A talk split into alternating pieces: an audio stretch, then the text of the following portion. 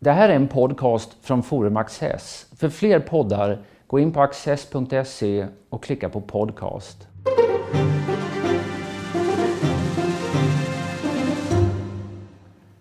Välkomna till Studio Access.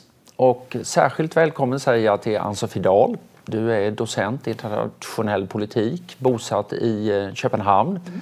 där du har skrivit en bok som har kommit ganska nyligen som heter Nato, historien om en försvarsallians i förändring. Nato Tack. fyller 70, 70 år i år. Yes. Ja, så det finns många anledningar att tala om Nato. Ja, precis. Stort kalas i april. Varför grundades Nato? Nato grundades som ett resultat av eh, den europeiska historien och eh, efter andra världskriget där man hade insett då att USA, man hade varit, eh, USA hade behövt komma till européernas försvar två gånger. Eh, både första och framförallt andra världskriget. Och att det fanns ett behov av att institutionalisera den här transatlantiska länken som det kallas, alltså USAs eh, försvarssamarbete med Europa. Så det är den korta versionen av varför Nato grundades. Man kan säga att ja, USA hade kommit två gånger. De hade ju kommit ganska motvilligt ja, kan man säga precis. och tövande. För det, den traditionella amerikanska hållningen var att liksom, den gamla världen sköter sitt så sköter vi vårt. Så att säga. Men, men hur kom det sig att de ändrade sig? Nej, men de, man, man insåg ju, alltså från europeisk sida insåg man att man måste knyta upp amerikanerna just därför att det tog lång tid innan de kom de här två gångerna. Eh, och hitta någon sorts, eh, någon sorts institutionell länk för att, för att få amerikanerna att knytas till det europeiska försvaret. Och från amerikansk sida så var det ju också, kunde man konstatera att detta var ju kostsamt med de europeiska krigen och att det påverkade amerikansk politik i allra högsta grad mm -hmm. och världspolitiken. Så att det var en win-win för båda sidor. Hur många europeer var med från början? För idag är Nato stort med nästan 30 medlemsländer. 29. Mm. Ja, just det. Och, eh, men det var det inte från början? Nej, det var 12. Och då räknar vi baklänges. Då är det USA och Kanada på den amerikanska sidan och sen så då 10 europeer. Och idag nästan 30 för det kommer ytterligare en medlem när som helst, Nordmakedonien. Och det har, eh, det har varit på gång länge men det är äntligen, äntligen kan Nordmakedonien också ingå i Natos krets. Vad skulle vara kärnan i det här, då, i det här samarbetet? Kärnan skulle vara artikel 5, den berömda artikel 5 som är kärnan i Nato. NATO-samarbetet. Alltså, artikel 5 eh, det är den som brukar kallas för musketörseden. Alltså den som betyder de automatiska försvars, säkerhetsgarantierna, försvarsgarantierna. Eh, som betyder att om, om ett land av de här, då ursprungligen 12, nu 29, blir attackerat så kommer alla de andra till dess assistans. Alltså en attack på ett land är en attack på alla länderna. Och det är ju själva kärnan i, i Nato. Och den har bara behövt aktiveras mm. en enda gång. Ja, precis, och lite, lite bakvänt. Och det var, då var det européerna som skulle komma till Amerikas ja, precis. stöd? Ja. Det var inte så det var tänkt. Man trodde ju att det var amerikanerna som skulle behöva någon gång kanske, eller förhoppningsvis inte komma, men att det var så det det var tänkt ju. Eh, men detta var efter 9-11, 11 september 2001 när eh, européerna faktiskt eh, utlöste artikel 5-garantin gentemot USA för att komma till amerikanernas assistans. Det var ju väldigt mycket symbolik i det och liksom en, en eh, solidaritetsförklaring kan man säga. Men det fanns också rent materiella inslag, till exempel AWACS-planen som, som eh, patrullerade på den eh, amerikanska östkusten. Mm. Du talar i boken om att, om att liksom, ja, du vill använda två nyckelbegrepp när du berättar Natos historia. Det är det här med försvarsallians, mm. vad det är för någonting. Eh, men också förändring, att den där har tagit sig lite olika karaktär eh, under tiden. Man kan väl säga att eh, det grundades då 49 för 70 år sedan. Sen är det en lång period eh, där det inte händer. Ja, det, det, växer med några medlemsländer men, men grundidén är väldigt konstant under den eh, Kalla kriget, ja. Kalla kriget och sen kommer 1989. Vad betyder murens fall för Nato? Det betydde väldigt mycket och det var man talar om emellanåt att, att Nato har gått igenom ett antal kriser eller jag vill snarare säga förändringsprocesser. Eh, och 1989 med murens fall, eh, det var ju Det var en seger givetvis för Nato och för USA och för västvärlden att eh, Sovjetimperiet hade kollapsat. Men samtidigt var det många som ställde frågan då, och vad behöver vi nu Nato till egentligen? Mm. För Nato under kalla kriget hade ju handlat om, det står i och för sig inte ett ord om Sovjetunionen i i eh, Washingtonfördraget som är Natos grundlag kan man kalla det.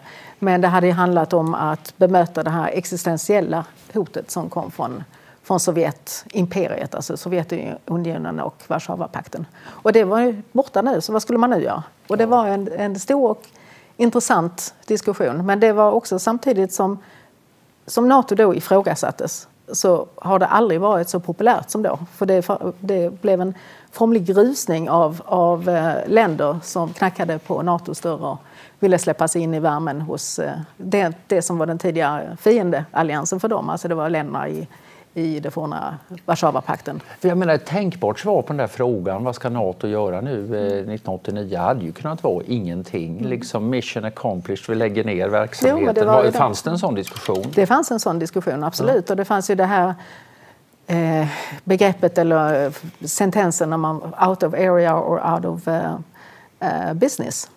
Eh, att man, alltså, man behövde vidga sitt, sitt, eh, sina uppdrag mm. och, och, sitt area, både vad det gäller uppdrag och vad det gäller territorier. Eller så måste man go out of business. Eh, och då gick man ju igenom en, en, en av de här förändringsprocesserna. Så att uppdraget då, eller uppgiften då, var ju att var närmast stabiliserande, att stabilisera Öst och Centraleuropa i den här väldigt komplicerade fasen när man gick från eh, murens fall och in i en ny osäker framtid. Ja, man glömmer så lätt. Mm. Det fanns en massa nya länder. De var inte med i EU, de var inte med i Nato. Warszawapakten fanns inte längre. Det var väldigt oklart vad som skulle hända. Det var väldigt hända. oklart, mycket en grey zone. Det, det antyddes till och med vid några tillfällen att Ryssland kanske skulle gå med i Nato. Ja, ja. precis. Jag tror att president Jeltsin talade ja, om det vid något tillfälle. Var det seriöst menat? Ja, med honom vet man inte, men, men Ryssland är faktiskt ett partnerland. Eh, och blev det efter visst funderande. Eh, de första partnerländerna var ju Sverige och Finland. Mm. Det här partnerskap, Partnership for Peace, eh, som grundades 96, förlåt, 94. Eh, och då efter ett tag så kom även en, en ansökan från rysk sida. Och det finns ett, ett, ryskt, ett NATO-ryskt råd, mm. NATO-Russia Council, som inte just nu inte är aktivt efter Ukraina. Men, eh, men det finns alltså, det, det, har funnits och finns väl fortfarande några ryska militärer som går runt i korridorerna. Och det var ju inte någonting som uppskattades just från, från de öst och centraleuropeiska länderna. För de, de hade ju sökt sig mot Nato för att slippa att se ryssar i uniform. För när man började laborera med det här med partnerskap istället för medlemskap då var det väl kanske också en del åtminstone som tänkte att det där var ett sätt att inte ta in nya mm. medlemmar mm. utan liksom man kunde parkera länder som partners eh, istället. Varför, ble, varför, blev det inte så? så att säga? Varför blev då tjecker, och polacker och ungrare medlemmar i den första vändan? Ja, det, var ju, alltså det fanns ju väldigt olika syn på detta. Det, man ska komma ihåg att det satt, alltså medlemskap, medlemskapen för de här länderna, alltså utvidgningen eh, till de forna, Öst och, eller forna Warszawapaktsländerna, den satt hårt inne, framförallt från USA. Det finns ju de som vill framställa detta som att det var en fanns en aggressiv expansionistisk politik eh, som skulle då ske på Rysslands bekostnad. Så var det inte, för det satt väldigt långt inne från, eh, från Clintons sida framförallt. Och det land som faktiskt drev den här utvidgningen, det var framförallt till balterna, det var eh, eh, lilla Danmark faktiskt. Mm. Och det var i stort motstånd, och, eh, men det fanns ju ett, en, alltså det, det, det räckte ju inte bara med partnerskap, för dessa länder ville ha handfasta säkerhetsgarantier. De ville ha artikel 5. Eh, för de visste de, sin historia. De visste hur, hur osäker världen var. Men det måste ha, det har skiftat ganska snabbt i politiken där. För liksom när, när, det kom till balterna som ju sen kom in i en andra utvidgningsomgång, mm. då var USA ett drivande land. Danmark hade kanske fått fart på dem. Så här. Ja, ja, drivande. Men i, början, så blev men, de det. men i början var det, det mer försiktigt från USAs eh, sida. Vad, oh ja, vad var det, det som var... gjorde att de ändrade sig? Jo, men det var väl en, ehm, en insikt om, eh, om faran med de här, det här grey zone som kunde uppstå.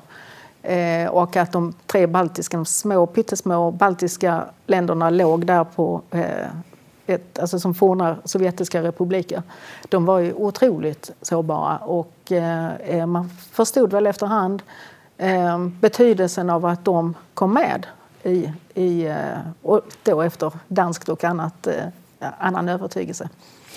Det är också två saker som händer emellan 89 eh, och det, och det baltiska medlemskapet till exempel. Det är ju dels 9-11. Mm. Och det hade också en, en, funktion i det sammanhanget. Därför att 9-11 ledde till att, och det var ju, det var ju inte Clinton som undertecknade de baltiska länderna, eller det var en big bang med sju länder som kom med samtidigt, däribland de tre baltiska. Utan det var ju George W Bush och det var väl lite en fråga om att, eh, som han lär ha sagt, att get the, get the work done. Um, att vi nu, nu tar, avslutar vi den här utvidgningsdebatten så att vi kan ägna oss åt annat uh, och avsluta det kapitlet. Och i, i, det, I det skedet så var ju dessutom Ryssland var ju uh, väldigt intresserat av ett samarbete med USA i spåren av 9-11. Mm. Det glömmer vi också. Ja, men precis. Mm.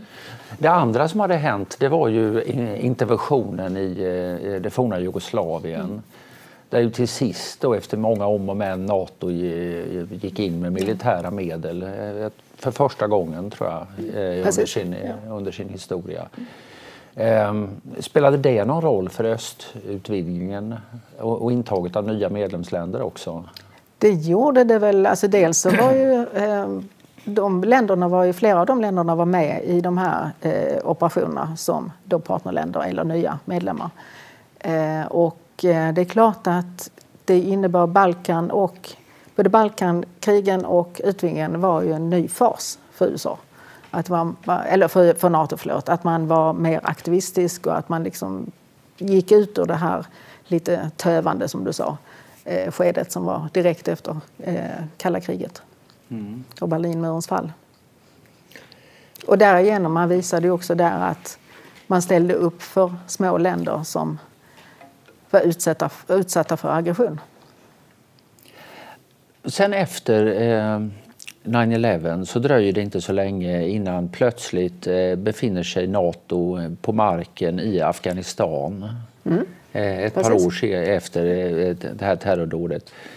NA i Nato står för norra Atlanten. Vad, vad, liksom, vad, gör en försvarsorganisation för norra Atlanten i Afghanistan? Ja, det är en mycket bra fråga, men det var ju eh, just det att man uppfattade att det var ett hot mot medlemsländerna. Det var ju USA som hade attackerats av 9-11 och det fanns, det kanske vi också glömmer, men det, var ju, det följdes ju av attacken mot World Trade Center och eh, Pentagon eh, följdes ju av ett antal attacker i Europa. Det var i Londons tunnelbana, det var i Spanien till exempel.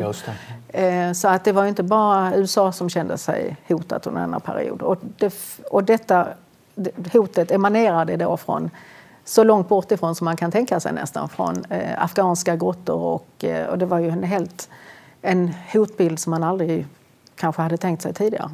Men det var ju, det var ju den nya sortens hot. Terrorn. Bekämpning av terror blev nu den nya uppgiften för, för Men NATO. USA valde inte... Eh, alltså, jag tror att det är många som följer lite halvengagerat rapporteringen eller har följt under den här långa perioden har lite svårt att reda ut vad det är som är Nato och vad det är som är USA. Ja. Det är inte alltid glasklart Nej, för, för den, om man inte sätter sig in i detta noggrant. Men, Precis. Men i första insatsen efter 9-11 i Afghanistan då ville amerikanerna ta hand om detta på egen hand. Mm, precis. Eh, och Nato tog över ansvaret efter ett par år. Mm. Ett, så att säga, varför? Och två, vad spelade det för roll? Varför var väl...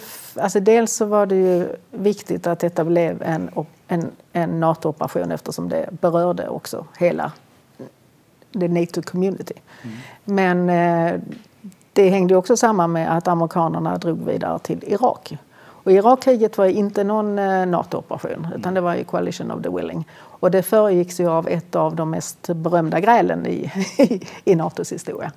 Ehm, och det symboliserar ISAF, alltså det var ju som operationen eh, i Afghanistan kallas.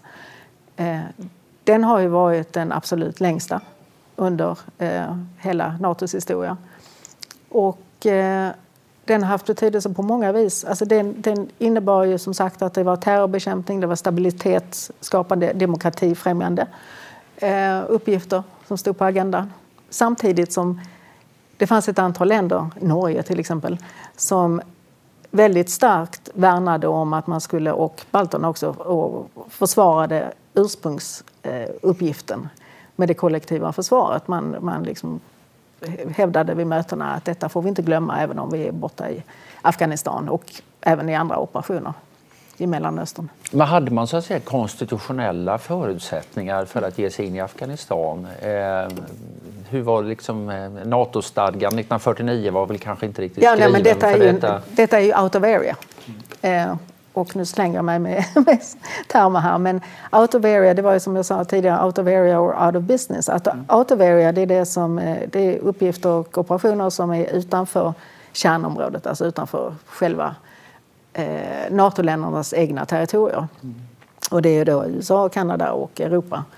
Eh, och out of area, då, är det, då gäller inte artikel 5 utan då är det artikel 4 eh, som är, gäller partnerländer och eh, överhuvudtaget eh, stabilitetsskapande och andra uppgifter.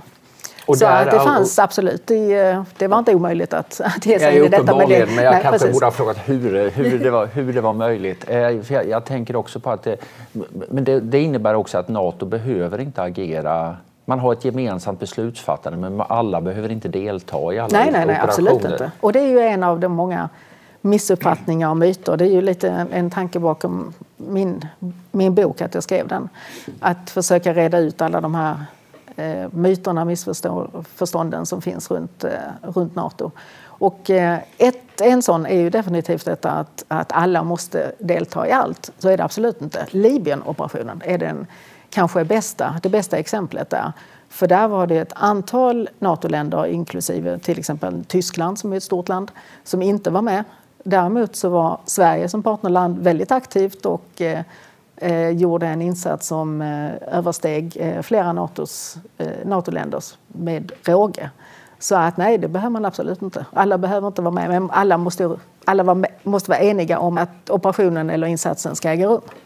All right. Så Tyskland hade konstigt. kunnat lägga in ett veto mot eh, Libyen? Ja, varför de nu skulle göra det. Nej, men man men skulle kunna man, göra det. Ja, Precis, ja, absolut. Ja. Och det är en viktig poäng att allting, eh, alla beslut fattas eh, med konsensus. Mm. Och det innebär att eh, Montenegro eller eh, vad ska vi ta för någonting, Luxemburg skulle kunna lägga in veto och stoppa en, en insats eller ett ena. Det skulle ju kunna vara ett ganska starkt argument mot att vidga medlemskretsen.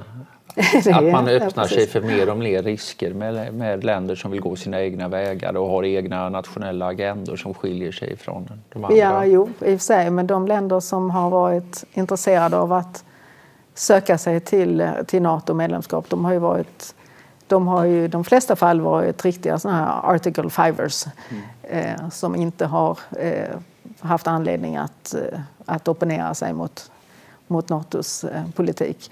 Det, det land som mest har haft en benägenhet att vifta med veto, eller vet, inte lagt in veto för, det är det man kallar för the NATO method. Mm. Att man förhandlar tills det att man kommer överens och det kan ju ibland ta lite tid. Men det är ju Turkiet. Mm. Till exempel när Anders Fogh Rasmussen blev eh, generalsekreterare. Eh, då var det en del som trodde att nej, det här kommer inte hända därför att på sittande toppmöte så, så eh, eh, opponerade sig då eh, Turkiet och hotade med veto. Och det var då en följd av eh, Mohammedkrisen som man ja, menade att danskarna inte hade hanterat så väl. Men det hanterades i slutändan? I slutändan, ja precis. Ja. Och det hanterades genom att två åkte till Turkiet på en konferens direkt efteråt. Bland annat. Och och blev sen Natos generalsekreterare. olja på vågorna. Vi, eh, vi, ska se om vi inte ska komma tillbaka till Turkiet. Ja. Men jag tänkte, den här kronologin, så att säga. Vi börjar 49, det är kallt krig till 89. Den uppgiften blir raskt en annan, man utvidgar sig. Eh, 9-11 eh, händer, det är 2001. Eh, terror, eh, att skapa säkerhet även utanför medlemsländernas territorium blir en central uppgift. Mm. Och det tredje stora märkesåret är då 2014, eh, den ryska invasionen av Krim. Ja, är cirkeln sluten nu? Är vi tillbaka där vi började 1949 nu? På sätt och vis är man det. Men ändå inte givetvis, för det är ju det är ju andra tider, är 70 år senare. Men 2014 var oerhört viktigt. Det var ju annektering av Krim, rysk aggression eh, mot Ukraina. Egentligen så är det ju 2008 som vi borde se som märkesåret när, med Georgienkriget. Ja. Men eh, så blev det inte. Men 2014 då vändes allt upp och ner med eh, ryska, den ryska aggressionen i Ukraina. Och det innebar att eh, en väldigt snabbt agerande från, och reaktion från Natos sida att man återvände eh, efter alla dessa år eh, ute i out of area, ute i stora världen med globala insatser så kom man tillbaka till kollektiva försvaret eh, som ju aldrig hade uppgetts givetvis. Utan det ja, fast ju... du beskriver det lite grann som en sorts jätteversion av det svenska dilemmat. Att liksom ja. ut i världen och sen hoppsan, oj, ja, vi kanske precis, skulle ha tänkt lite mer på vårt eget och hemmaplan också. Det stämmer. Det att stämmer. det äger rum även inom Nato. Det stämmer. Och det fanns ju som sagt eh, länder som hävdade detta hela tiden. Att nu ska vi inte glömma det ryska hotet, men det, det vet vi också från den svenska debatten att hävdade man att det fanns ett ryskt hot så var det så avfärdades ju det länge ganska snabbt. Mm. Men med Ukraina så eh, alltså det är en reaktivering kan man säga av, av Nato som sker och tillbaka till back to basics med kollektiva försvaret. Artikel 5 och eh, två toppmöten i eh, Wales och Warszawa 2014 och eh, 2016 och där man då stakar ut en, en ny väg och eh, mycket beslutsamt får man säga. Man kan väl säga Georgien och Ukraina var två länder som liksom verkligen hade vårdat sina kontakter med Nato. Och, mm. eh, Georgien var väl lovat medlemskap. Eh, det kan man säga. Eller, ja, i, i, i, var, ja, i vaga termer ja, kanske. Precis. Men eh, liksom någonstans skulle det hända.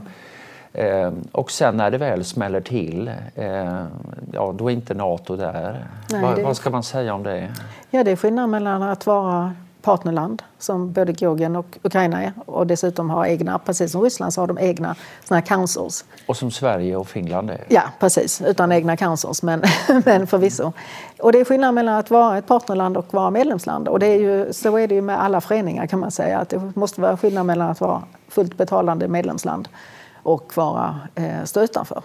För när Sverige är med i Afghanistan då är vi med som partnerland och gör en, en god insats. Och likadant i Libyen, så här ställer upp. Framförallt i Libyen, skulle och, säga. Eh, och få liksom eh, respekt för detta. Eh, Ukraina hade varit superlojalt och ställt upp för alla möjliga. De var väl med i Irak också. Liksom. Mm. Och, och Georgien. Ja, det Georgien var då väldigt, har varit väldigt aktivt. Då var ju det visavi USA och inte, och inte själva Nato. Men, det, men när, när det kom till kritan då hade man inget för detta utan då var det bara medlemskapet som gällde? Ja, det är geopolitiska realiteter såklart, men det, man kan ju säga att eh, det kunde gjorts mer från Natos sida men det fanns inte någon konsensus om det och amerikanerna var inte speciellt eh, intresserade av att, av att eh, göra mer än symboliska insatser. Det, Trump har ju faktiskt skickat stöd till Ukraina. Man kan ju säga då att artikel 5 som ju liksom verkligen är centrum för diskussionen om medlemskapets värde, den här ömsesidiga garantierna och löftena. Har du funderat mycket på vad är de värda egentligen idag? De är värda en hel del om man har dem. Ja, mm. men, men vad jag menar är, kommer de att, att levas upp till? Eh, vi vet inte så mycket om det ännu. Inget, USA är det enda land som har blivit angripet och har utlöst en artikel 5. Inget av de mindre medlemsländerna har råkat ut för detta. Eh, jag tror man kan räkna med det, även om Trump, det är väl det du syftar på kan jag tänka mig, ja, att han har ifrågasatt om, om artikel 5 eh, artikel 5s relevans. Men det, det, tror jag inte man ska ta på så stort allvar. Alltså det finns ju nu till exempel, betänk om inte de baltiska länderna hade varit, varit medlemmar i Nato. I vilket läge de hade befunnit sig idag. Mm. Nu finns det istället såna här multinationella stridsgrupper i, från Nato i de tre baltiska länderna och i Polen. Och det innebär ju då att om ryssarna skulle få för sig att göra någonting, vilket de inte kommer att göra, tror jag, för den avskräckande effekten av artikel 5 och av Nato, den är väldigt stor. Men om de skulle få, få för sig att göra någonting så möts de då inte bara av till exempel det estniska försvaret som kanske inte, inget ont om Estland, men det kanske inte är så avskräckande för, för Ryssland. Mm. Utan man möts då bokstavligen talat av soldater från flertalet NATO-länder. Och det finns en stor symbolik i detta och, eh, och det, jag tror absolut att man, man kan säga att artikel 5 är högst levande. Det är den. Artikel 5 säger ju att man ska komma till eh, den angripnes hjälp, mm. men det står inte hur. Det står nej, att man får nej, använda militära medel, mm. men inte att man måste det där var det en liten diskussion om, om den formuleringen när, ja, ja. när NATO-stadgarna skrevs. Men, eh, men det är ju för att man skulle ha den största möjliga flexibilitet och utrymme.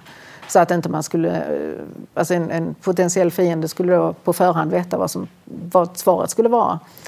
Eh, och det finns ju jag menar, teknik och annat som utvecklas. Så att det, det är för att det, det, ska finnas en, en flexibilitet och eh, också utrymme för olika länders olika lösningar. Vi börjar närma oss slutet av detta eh, tv-program, eh, tyvärr. Eh, men jag måste ställa eh, en fråga ändå. Du, du bor i Köpenhamn och du har skrivit boken i Danmark. Betyder det någonting för liksom, hur du ser på organisationen? En, blir Nato någonting annorlunda från Köpenhamns horisont än från svensk horisont? Selvfølgelig. Ja, låt höra. jo, men absolut. Det är ju... Sverige är inte medlem i Nato och eh, allt, alla analyser sker då liksom utifrån. Det är ett land som betraktar, eh, eller analyserna betraktar Nato utifrån. I Danmark så eh, finns det en enorm kunskap, information, eh, expertis om Nato. Och man arbetar med detta dagligdags. Det är ju inga konstigheter egentligen. Utan det är ju, eh, och dessutom ska jag påpeka att eh, Nato är väldigt viktigt för Danmark och Danmark är också väldigt viktigt för Nato faktiskt. Det är ett litet land men jag brukar säga att eh, Danmark är litet på jorden men stort i Nato. För att det har varit ett väldigt aktivistiskt land sedan 90-talet och framåt som sagt bidrog till att balterna blev eh, medlemmar och eh, det är faktiskt det land som har det är ju ingenting att, att skryta med utan det är bara tragiskt men det är land som har störst antal förluster i, i uh, Afghanistan. Mm. Eh, eller störst, störst poten, potens, eh, proportionellt. Så att det är klart att det har givetvis påverkat boken och det har ju också bidragit till mina kunskaper givetvis. Jag, har, jag kan ta del av mina kollegors eh, insikter om detta. Vad säger man då i Danmark om den svenska NATO-politiken eller hållningen? För å ena sidan är det detta absoluta nej till, eh, till medlemskap, å andra sidan en rätt stor aktivitet. Och, eh, oh ja. med i Afghanistan som sagt, men på andra håll och nu senast i den här stora Trident Juncture-övningen i, i Norge, Sverige där med mycket folk. Ja.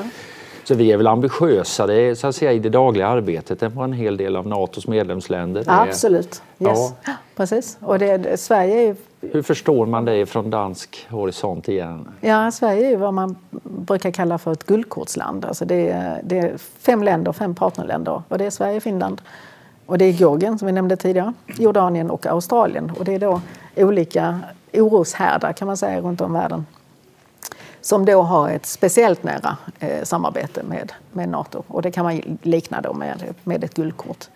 Eh, så att Sverige är ju ett, eh, har ett oerhört nära samarbete med Nato.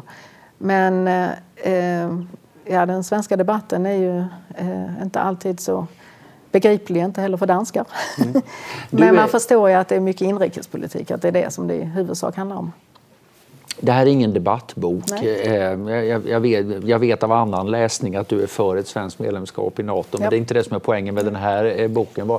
Men en prognos, kommer Sverige med? Alltså idag ser vi ju att samtliga fyra, de fyra tidigare allianspartierna är för NATO-medlemskap nu. Tidigare var det bara Folkpartiet och Moderaterna. Mm. Eh, så det hänger lite på Sverigedemokraterna, var de, var de kommer att befinna sig någonstans om det finns ett, eh, kommer att bli ett parlamentariskt flertal, som man säger i Danmark, majoritet i, i riksdagen. Eh, men det är som sagt en inrikespolitisk fråga och eh, det är väl Socialdemokraterna som våndas över detta. Men inte bara de. Som sagt, alltså det, är, det är Socialdemokrater, det är Vänsterpartiet och Miljöpartiet och det är Sverigedemokraterna som vi, som vi inte vet riktigt vad vi har. Så jag, to jag vi, vi tolkar detta som un, inte under den närmaste tiden. Inte under den närmaste veckan, det vill nej. jag inte säga. Nej. Men eh, vem vet, det har skett eh, under förr. Vi får se om det blir några under i denna Den som fråga. Lever får se. Ann-Sofie Dahl, stort tack för att du har varit med oss. Tack så hemskt mycket. Och här kommer några extra minuter med mig och min gäst. Vi kan inte skilja oss åt utan att du har fått berätta lite om synen på eh, Trump och Nato här. Du tangerade det förut, men liksom, överlever Nato Donald Trump? Jag tror att eh, Nato kommer att överleva både Donald Trump och eh, Putin i deras respektive Vita hus. Men det är klart att man ska inte underskatta påfrestningarna som han har inneburit för, för samarbetet och för stämningen i Nato. För eh, syns det någonting i den praktiska politiken ännu? Jag menar politik är förvisso ord och stämningar och sånt där men det är ju också eh, boots on the ground och folk i eh, Baltikum och, och så här. Märks det någonting ännu? Nej, det kan man inte säga. Alltså, arbetet fortgår ju i mer eller mindre det tysta. Så det är ju inte så att de, eh, man sitter i NATO-kvarteret i Bryssel och rullar tummarna eftersom, eh, eftersom vi har en nyckfull amerikansk president. Utan allting fortgår precis som, som vanligt. Man, varje gång det är toppmöte så håller man andan eftersom man inte vet vad, vad Trump hittar på. Men, eh, och det var ju därför också som man hade det här 70-årsfirandet det var ju i, i Washington där, där NATO-fördraget undertecknades en gång i tiden. Eh, men det var inte på, alltså det var inte ett toppmöte utan det var en, eh, ett eh, utrikesministermöte. Precis som 1949, där hade man liksom ursäkten. Men det var ju för att slippa Trump. Mm. Och sen så ska man då ha någonting i London istället senare. Men det är klart att det fortsätter och det finns ju inte heller någon konsekvens egentligen i, i det amerikanska agerandet om man säger så. Därför att Trump har ju eh, samtidigt som han är kritisk mot Nato och eh, ifrågasätter artikel 5, om han gör det fortfarande, det vet jag inte, det är ju lite sådär ja. skiftande bud, eh, så har han ju fortsatt och till och med ökat det amerikanska stödet till, till Europa, militära stödet till Europa till exempel. Så att det men den, den fråga som han ju har gjort sig mest känd för kan man väl säga, det är the burden sharing som det kallas, alltså styrkefördelningen eller ansvarsfördelningen. Att man ska de, betala mer de är, Ja, precis. Ja. Han, han, har ju då uppfattat det, eller missuppfattat det snarare som någon sorts medlemsavgift som man ska betala som de länderna är skyldiga i USA och så är det absolut inte utan det är snarare så det handlar om att eh, eh det är de här två procenten som numera är allmänt bekanta 2% av BNP i ja, försvarsutgifter. Ja, Eller 3% säger han emellanåt. Men det, det, det, finns ett beslut och det är från 2014. Jag tänkte alltså säga det, det finns ingen medlemsavgift men det finns en överenskommelse numera. Ja, ja, ja. det finns från 2014. Eh, från Wales, då direkt efter Ukraina att länderna under en tioårsperiod, alltså fram till 2024, ska eh, jobba på att utöka sitt, eh, sina satsningar på försvaret till 2% av BNP. Och av dem ska då 20 procent gå till eh, forskning och materiell och, och, och sådana saker. Och, eh, och det, har ju, det har ju förvisso ökat under de här åren men jag brukar säga att det är mer Putins förtjänst än Trumps. Faktiskt. För de länder som har ökat sina försvarskostnader är framförallt de som ligger nära, eh, alltså österut. Ja. En något dyster kommentar skulle ju också kunna vara att det, det, de länder som lever upp till det här det är USA och Storbritannien. Och sen är det ju de baltiska staterna och det är klart att 2% av BNP är 2% av BNP men i belopp räknat är det ju ganska annorlunda om Estland gör det eller om Tyskland gör det. Och, ja, och Tyskland gör det och inte. Tyskland gör det inte, Nej, det som sagt. Och eh, fransmännen gör det väl inte heller. Nej, fransmännen gör det inte. Grekerna gör det, vilket man kan då Eh, Eh, man kan då göra, säga det som, eh, som Dan, Danmarks statsminister Lars Løkke Rasmussen och Danmark är ett land som inte heller når upp till de där procenten men har satsat mer på, på försvaret. Att det handlar ju inte bara om pengar utan det handlar om vad som kommer ut av de här satsningarna. Eh, och om man jämför Danmark som kanske ligger på 1,3 procent och Grekland som i många år har legat på 2 procent så kan man väl lätt konstatera att det danska bidraget är något mer effektivt och eh, produktivt än vad det grekiska är. Så det handlar ju liksom ja, om hur mycket bang for the buck Principiellt sett är ju de här procentmålen eh, liksom hopplösa. Ja. Det är ju som biståndspolitiken i Precis. Sverige. Oavsett resultat så ska man sätta av någon viss summa och sådär. Men mm Men det är klart att det, har, det, har, det fungerar väl som det är mätbart, ja. det blir en blåslampa. Så det, ja, så det fyller den funktionen som, ändå. Sen, sen, ingår det väl en del rätt suspekta saker i de där två procenten i, i, i, olika eh, eh, NATO-länder. Men det är en annan. Det kan man göra. Man kan lägga in eh, militärorkestrar, kostnader för militärorkestrar. Pensioner är väldigt populärt att man lägger ja, ja, det har jag förstått också. Men eh, det är mycket kreativ bokföring. Du avslutar boken och vi kan väl avsluta vårt samtal med, eh, med den frågeställningen också. Att nu är, nu är, ja, vi, för, vi diskuterade det här liksom hur uppgifterna och fokus och tyngdpunkt har skiftat lite över hur vi nu har kommit tillbaka lite grann till den här gemensamma försvarsfunktionen igen. Men vad, vad, vad, olika länder har olika intressen här. Eh, fronten mot Ryssland är särskilt intressant i östra Europa och i våra eh, trakter. I Medelhavsländerna har man kanske andra prioriteringar. Och sånt där. Vad, vad ser du liksom är på gång nu? Vart, vart rör sig fokus? Nej, precis, det är det här man talar nu med om 360 graders Nato. Att det ska kunna röra sig i alla riktningar.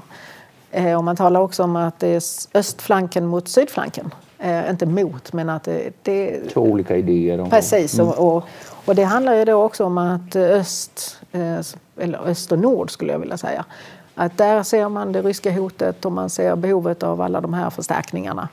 Enhanced forward presence and what have you. Och i, i södra delen av Europa så är man kanske inte riktigt lika bekymrad över det det ryska hotet utan där ser man ju eh, hot mer av just den här out of area-karaktären som man då hade i Afghanistan också. Att det är terror och det är flyktingvågor som kanske kan vara instabili skapa instabilitet eh, och, och, mycket annat som inte är artikel 5. Mm. Eh, och det är klart att detta, är ju, detta kräver också att man kan hålla många bollar i luften samtidigt för det är ju rätt olika syn på, på säkerheten olika hotbilder, olika definitioner av hotbilderna. Men vad det än blir så verkar medlemsländerna tycka att det är värt eh, besväret att vara, med. Det, är, det, går att lämna. Det finns en utträdesmöjlighet men det är ingen riktigt som har tagit vara Nej, på den ännu. Precis. Nej.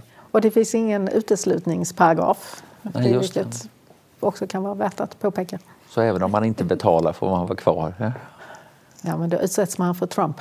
Ja, det vill man inte drabbas av. Nej. Ann-Sofie Dahl, stort tack.